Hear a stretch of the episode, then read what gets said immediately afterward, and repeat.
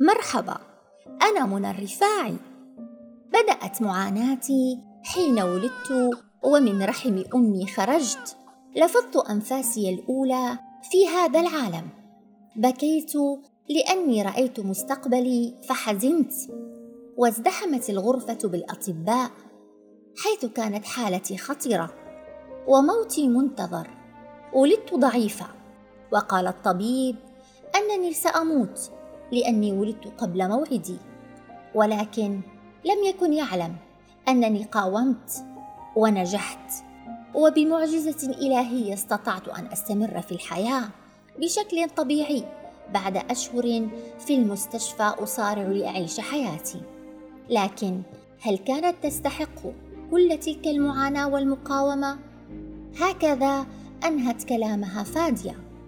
في غمرة الذكريات تحدثت الأربعينية فادية على لسان فتاة الست سنوات التي لم تكن قادرة على استيعاب أنانية والدها الذي لم يحمل نفسه مشقة اصطحابها إلى المدرسة نظرا لأنها بنت مشيرة إلى أن حرمانها من الدراسة. سيظل نقطة سوداء في علاقتها بوالدها رغم وفاته تقول بعفوية.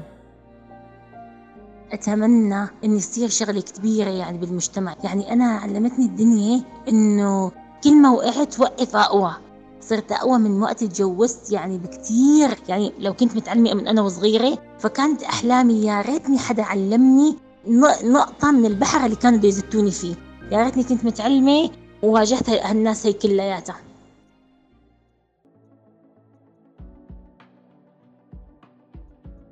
إن أحد أسباب إبعاد الفتيات عن المدرسة في غالب أنحاء العالم هو ببساطة لأنهن فتيات.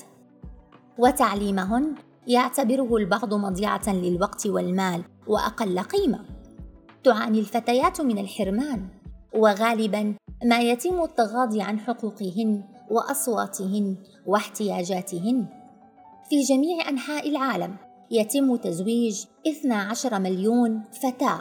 قبل بلوغ الثامنة عشر كل عام وتصبح واحدة من كل خمس فتيات أما قبل هذا العمر. الفتيات اللاتي يتزوجن قبل سن الثامنة عشر أكثر عرضة للتسرب من المدرسة وإنهاء سنوات الدراسة مقارنة بالفتيات اللائي يتزوجن لاحقا. تظهر الأبحاث أن إنهاء زواج القاصرات سيزيد من التحصيل العلمي للفتيات. ولا يقتصر التعليم فقط على المعلومات والمعرفة التي تساعد الفتيات على التنافس في سوق العمل لضمان معيشة أفضل لأنفسهن إنما يتعلق الأمر ببساطة بالتمكين والقوة التي تمنحهن القدرة على اتخاذ خيارات حقيقية بشأن حياتهن والتحكم في مستقبلهن. وتجدر الإشارة إلى أن الفتيات المتعلمات يعيشن حياة أكثر صحة وسعادة، ولأن الفتيات يخضن الكفاح من أجل عالم أفضل، التقيت بعض المراهقات اللاتي أعربن عن طموحاتهن بالمستقبل. تقول إيناس: آه، بإذن الله business woman وأستقل عن جد يعني بالنهاية يعني يصير عندي مشاريع كثير وأشياء wow. أما رهف أنا حلمي إني إن شاء الله كفي دراستي كفي ماجستير وبعدها إن شاء الله دكتورة وصير دكتورة جامعية. وتطمح ألين أن تكون.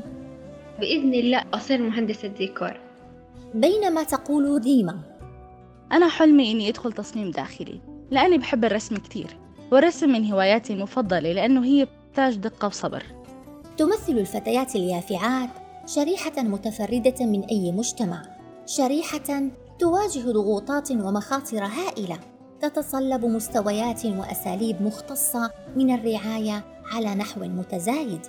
لذلك فإن المراهقات بحاجة إلى الدعم من قبل كل من يهتم بحقوق الإنسان والمستقبل المستدام وهذا ما أكدت عليه ديما حيث قالت وحتى نتمكن من الوصول لطموحاتنا وأهدافنا يلي بنحلم فيها لازم نسمع عبارات تشجيع من الأهل مشان نتخطى جميع الظروف الصعبة وأكيد دعم المجتمع. رح نحقق كل الأحلام يلي منحلم فيها. ونحن في الحادي عشر من أكتوبر من كل عام نذكر باليوم العالمي للفتاة ونؤكد على دور المنظمات التشاركي برؤية إنسانية طويلة المدى تركز على الفتيات بصورة أكبر. ودمتم بخير.